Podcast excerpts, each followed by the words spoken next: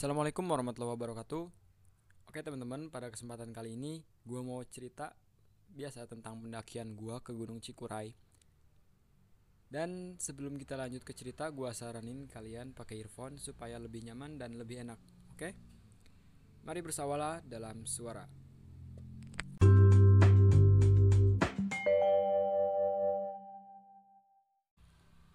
Pada tanggal 31 Maret 2019, Hikomanda berangkat ke Terminal Guntur dengan membawa sebongkah tekad untuk mendaki Gunung Cikuray. Tapi sebelum itu, terjadi sebuah kengaretan. Bisa tebak siapa pelakunya? Eits, kalau kalian ngiranya Salman, fix. Kalian suzon banget. Kalian suzon banget kalau ngiranya Salman asli. Asli, nggak bohong. Pelakunya kali ini adalah sopir bis. Jadi begini, tanggal 31 Maret, tanggal 31 Maret, lebih tepatnya jam 2 siang, gua dan beberapa rekan yaitu Isom seperti biasa, Dinar, Nopal, Rizko, Kansa alias Ocha, Rehan alias Mbe, Yasmin dan Gina udah kumpul di madrasah tercinta yaitu Mandua Kota Bogor. Tapi sebelum tapi ini belum semuanya. Sisanya ada yang udah di Masjid Amaliyah. Buat yang belum tahu, itu ada di daerah Ciawi lah pokoknya. Ya jadi kita di Mandua itu packing ulang terus lanjut ke Masjid Amaliyah. Nah di sini awalnya Salman nggak bisa ikut. Kenapa? Karena sepatu dia rusak. Sebenarnya kalau mau minjem sih bisa aja, tapi dia tetap nggak mau. Ya nggak tahu kenapa. Ya udahlah.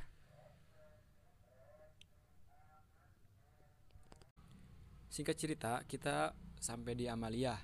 Di sana udah ada Mujek, Dimas, Renal, Hilman, Indah sama Rapli. Akhirnya kita bukan kita sih mereka yang di sana packing ulang habis itu kita cari makan. Kebetulan di depan Masjid Amalia ini banyak kayak toko makan gitu. Eh toko makan, warung makan. Banyak warung makan gitu. Akhirnya kita makan di situlah. Setelah makan kita ngobrol kan tuh masih di tempat yang makan masih di tempat makan tadi terus gue ngeliat nih ada motor lewat. Set berhenti kan tuh di depan masjid. Kata gue lah kayak kenal nih orang. Pas gue lihat-lihat lagi aduh jadi hal yang sangat mengejutkan. Ternyata Salman datang datangnya tiba-tiba. Pas kita samperin dia ternyata bawa sepatu baru men. Masih sama boxnya dong. Aduh nggak ngerti lagi gue jadi dia sebelum ke Amalia ini dia mampir ke toko sepatu itu. Toko outdoor sih lebih tepatnya. Uh, ininya Ray. Nah brandnya Ray. Ray atau Are sih kalau dipanggilnya? Ya panggil aja Ray lah sebutannya Ray. Dia jadi beli sepatu dulu sebelum ke Amalia. Jadi dia jalan dari rumah mampir ke toko beli sepatu baru ke Amalia. Kurang sultan apa lagi coba Nah setelah Salman datang berarti kita udah kumpul semua lah kalau dihitung-hitung ada 16 personil. Eh 16 atau 15 ya? Bentar dihitung dulu bentar ya. Satu dua tiga empat lima enam tujuh delapan sembilan sepuluh sebelas dua belas tiga belas empat belas lima belas. enam belas sama Salman dia 16 orang jadi Salman datang ya udah kita ngobrol lah. Ngobrol-ngobrol-ngobrol nggak kerasa ternyata udah maghrib akhirnya kita sholat. Nah jadi di Amalia ini kan nih kalau salah koreksi ya jadi di Amalia itu ada dua lantai yang atas itu buat yang utama buat sholat berjamaah terus yang bawah buat sholat jamak-jamak gitu ya kan? Ya kalau salah koreksi ya maaf. Jadi kita sholat di bawah ngejama kosor sholat isya. Soalnya ngeri nggak keburu loh naik bisnya. Ya udah akhirnya singkat cerita kita udah beres sholat kita ke depan lagi lah buat nunggu lagi ngobrol-ngobrol. Ditunggu-tunggu ditunggu-tunggu ternyata sampai jam 10 malam belum ada bisnya. Aduh nggak ngerti lagi gua ngaretnya ngaret banget banget ngaretnya melebihi Salman. Fix. Akhirnya setelah sabar menunggu bis pun datang. Sekitar jam 10 lebih 10 lewat lah pokoknya. Dan itu pun udah bener-bener penuh. Penuhnya kayak apa ya?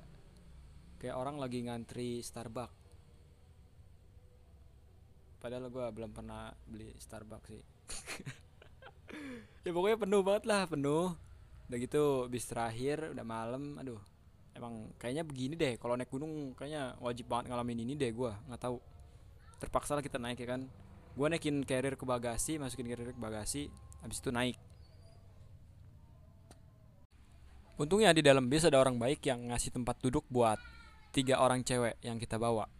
Dan kita akhirnya dirilah sepanjang perjalanan sekitar kurang lebih tiga jam sebelum akhirnya kita dapat duduk dan itu pun masih gantian. Pas gua duduk kan gua diri ini. Terus gua duduk set udah duduk aduh kok tidak enak ya rasanya.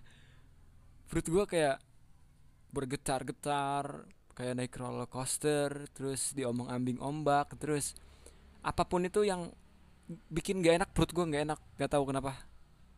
Untungnya untungnya gue nggak muntah. Kalau muntah coba bayangin nggak ada toilet nggak ada baju di dalam carrier ya kan? Nggak ada buat bersihin. Aduh untungnya gue nggak apa singkat cerita kita sampai di terminal Guntur sekitar jam 4 4 dini hari 4 subuh. Kita uh, pas turun nggak terlalu banyak sih calo bukan uh, bukan calo uh, ojek-ojek gitu yang nawarin soalnya kita ramean ya kan? Udah gitu kita udah nyewa angkutan dari base camp. Nah setelah nunggu kurang lebih setengah jam atau satu jaman lah akhirnya mobil dari base camp datang mobil pick up gede gitulah lumayan gede. Nah eh ini di di sini apa merbabu ya gue lupa jadi sepanjang perjalanan tuh kita oh bener Cikuray Cikuray sepanjang perjalanan kita itu berjalan di bawah paparan bintang yang lagi cerah-cerahnya, yang lagi memancarkan sinarnya dengan sangat terik. Bener-bener lu kayak ngeliat Milky Way dengan mata telanjang. Bener-bener gitu gua gua nggak bohong. Dan kita menikmati banget dong. Ya kapan lagi coba bisa ngeliat langit tanpa ada polusi polusi asap gitu. Kan kalau ada polusi asap langitnya jadi nggak kelihatan ya kan. Wah, itu bener-bener momen mantap sekali dalam hidup gue akhirnya kita sampai pos pemancar itu jam 6 jam 6 atau setengah 7 lah pokoknya. Akhirnya kita baru sholat subuh di situ kebetulan. Nah dari sini kan udah mulai naik nih ternyata di sini ada tour guide. Sebut saja boy. Dia adalah seekor anjing. Ya emang rada aneh. Cuma ya dia emang anjing. Udah gitu anjingnya tuh kayak boyo kayak letih gitu kayak kurang semangat dah. Dan itu pun entah muncul dari mana. Kayaknya emang dari sekitaran situ sih. Nggak mungkin itu anjing mistis nggak mungkin. Tidak mungkin. Akhirnya kita mulai naik mulai mulai trekking jam 7 pagi dengan perkiraan sampai pos 8 yaitu tempat kita mendirikan tenda dan pos terakhir sebelum puncak jam 3 sore Berbeda dengan gunung lain yang trek awalnya landai, Cikuray menyuguhkan trek yang trek awal yang curam, cukup memakan energi, tapi buat si boy itu biasa aja kayaknya deh. Soalnya pas kita nyampe nyampe atas tanjakan ini, dia udah nungguin kita sambil tidur. Bayangin deh, bisa-bisanya gitu tidur di pendakian gunung, boy, boy. Nah kita akhirnya lanjut jalan lagi lah tuh jalan dan di jalan ini kita sempat kehilangan si boy. Gua nggak lihat ke mana. Tapi kata temen, kata temen gua, kata rekan gua, dia ngejar bagas alias babi ganas. Ya, Cikuray memang terkenal dengan babi babinya yang besar dan cukup ganas. Ganas dalam artian babinya ini dia berani ngambil logistik walaupun ada kita di dekat logistik tersebut. Nah, jadi si boy ini kayak ngusir babi ini dan itu berjal berlangsung cukup lama kita nungguin dia soalnya dari sini jalan mulai bercabang antara kiri dan kanan akhirnya boy balik dan dia maju lagi paling depan buat mimpin jalan buat nentuin jalan. Singkat cerita dari pos 6 sekitar jam setengah dua rombongan terbagi menjadi tiga yaitu rombongan depan rombongan tengah dan rombongan belakang. Gua ada di rombongan belakang bareng Isom, Ocha, Mbe, Mujek sama Indah gitu kalau nggak salah. Gue lupa pokoknya yang pasti itu uh, Mbe sama Indah sama gue lah pokoknya dan emang kita kan udah dari bawah itu udah menduga-duga ya kan kalau nanti pas kita nyampe pos sekian itu bakal turun hujan dan benar saja. Hujan mulai turun jam 2 kita semua cepet-cepet pakai jas hujan kecuali Mbe alias Rehan. Jas hujan dia ada di rombongan depan ketinggalan di tas yang ada di rombongan depan. Akhirnya kita lanjut jalan. Udara yang tadinya dingin berubah jadi lebih dingin bisa bayangin. Kita udah ada di ketinggian kurang lebih 2000 mdpl ditambah air hujan yang mengguyur. Anggap aja 11 derajat celcius lah. Masalahnya itu bukan bukan eh, eh, badan kulit kita yang kena air ya. Tapi masalahnya itu ada di baju yang udah terlanjur basah. Itu yang bahaya. Belum lagi perjalanan ke pos ke pos 8 masih sekitar satu jam lebih. Suasana yang awalnya ceria berubah menjadi mencekam dan bener aja, di tengah perjalanan indah kedinginan. Shit. Dari sini, marah bahaya mulai muncul. Jujur, gua ngerasa takut. Karena gua belum pernah ngalamin kejadian seperti ini sebelumnya. Kita maksa dia buat terus jalan. Bukan karena kejam atau apa, tapi kalau diam itu malah bisa memperkeruh keadaan, memperparah kondisi tubuh. Pas 8 sekitar 5 menit lagi, Sayangnya Indah bilang udah nggak kuat jalan. Holy shit. Akhirnya Mbak lepas carrier kayak ngebuang gitu. Nah, gue buang nih carrier gue. gak lah, gak kayak gitu anjing lawak banget hidupnya. Akhirnya dia lepas carrier ya kan. Cutir, jatuh tuh carrier. Dan dia gendong Indah. Gue nggak nggak ngerti itu si Mbak kuat banget ya.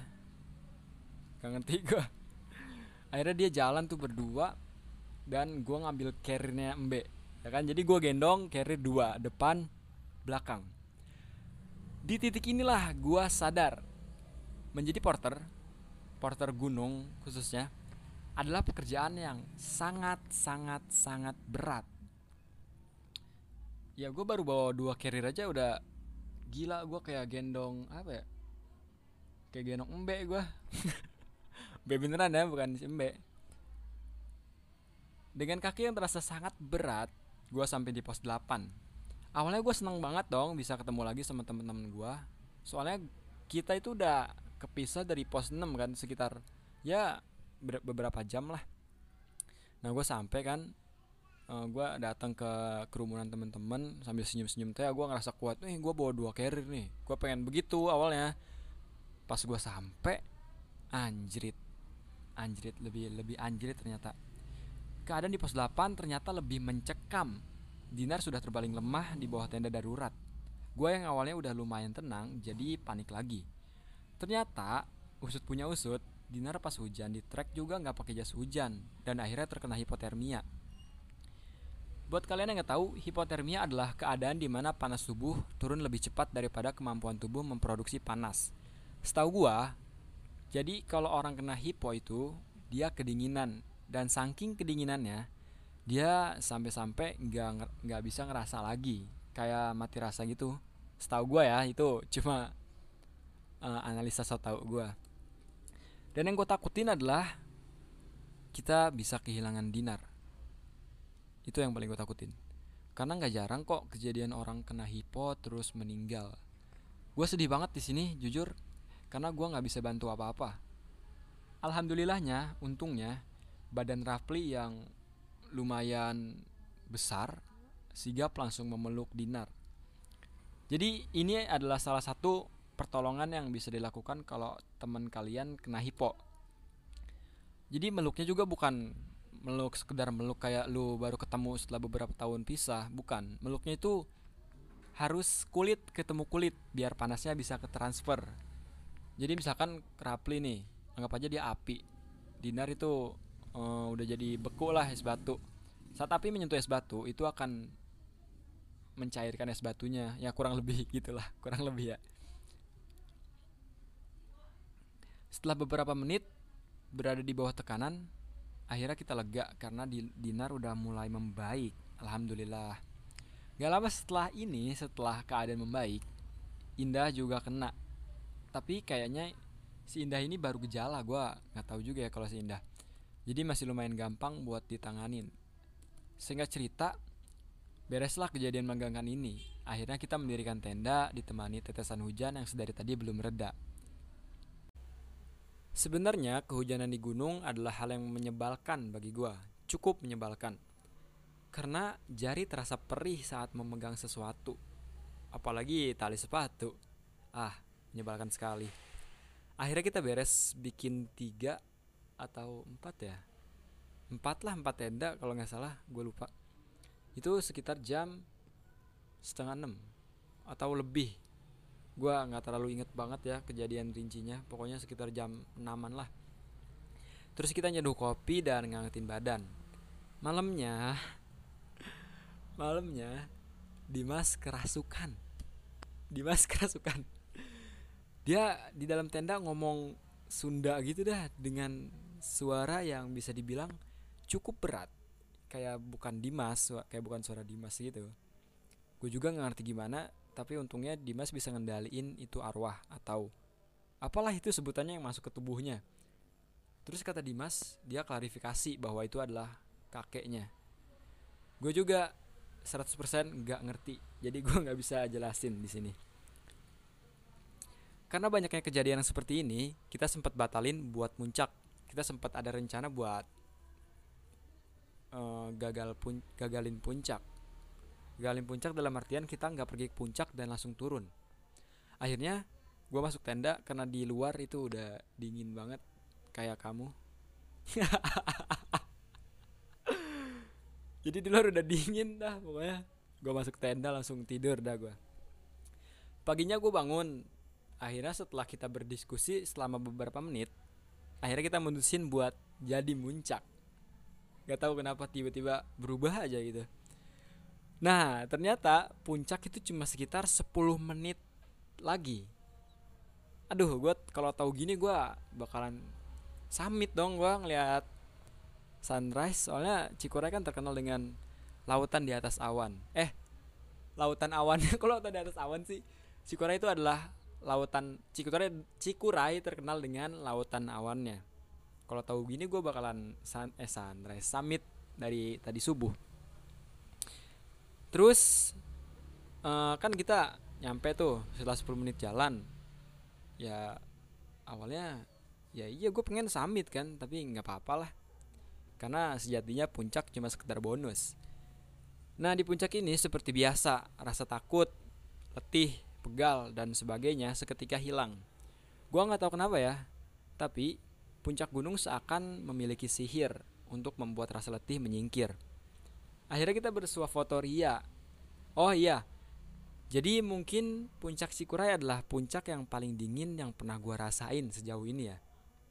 Suhunya waktu itu kata orang gue juga nggak ngecek di HP gue karena HP gue mati padahal baterainya masih sekitar 40% suhunya kata kata orang itu sekitar 7 derajat celcius dan gue cuma pakai long sleeve karena baju karena jaket gue basah Setelahnya kita turun ke tenda dan makan sebelum akhirnya kita turun ke base camp. Di perjalanan turun, alhamdulillah semuanya baik-baik aja dan kita sampai rumah masing-masing dengan selamat. Oke teman-teman, cukup sekian aja cerita pendakian gue ke, Gunung Cikuray. Memang cukup singkat karena ya begitu adanya. Ya teman-teman, apa makna yang bisa kalian petik dari cerita ini? Bagi gue pribadi, Cikuray mengajarkan tentang betapa bahayanya mendaki dengan rekan yang belum berpengalaman. Jadi, buat kalian istilahnya neubi-neubi yang mau naik gunung gitu, carilah rekan mendaki yang bisa nemenin kalian. Ya minimal dia udah pernah naik 5 atau 6 kali lah ke gunung atau dia pernah naik ke gunung yang pengen kalian naikin ini minimal sekali. Karena mendaki bukanlah tentang siapa yang paling kuat, atau siapa yang berjalan paling cepat. Tetapi mendaki adalah tentang siapa yang menunggumu saat kamu berjalan lambat atau siapa yang menggenggam tanganmu dengan erat. Cukup sekian kali cukup sekian cerita kali ini. Semoga cerita ini bisa bermanfaat. Dan gue ucapin terima kasih buat yang mau dengerin sampai akhir. Thank you.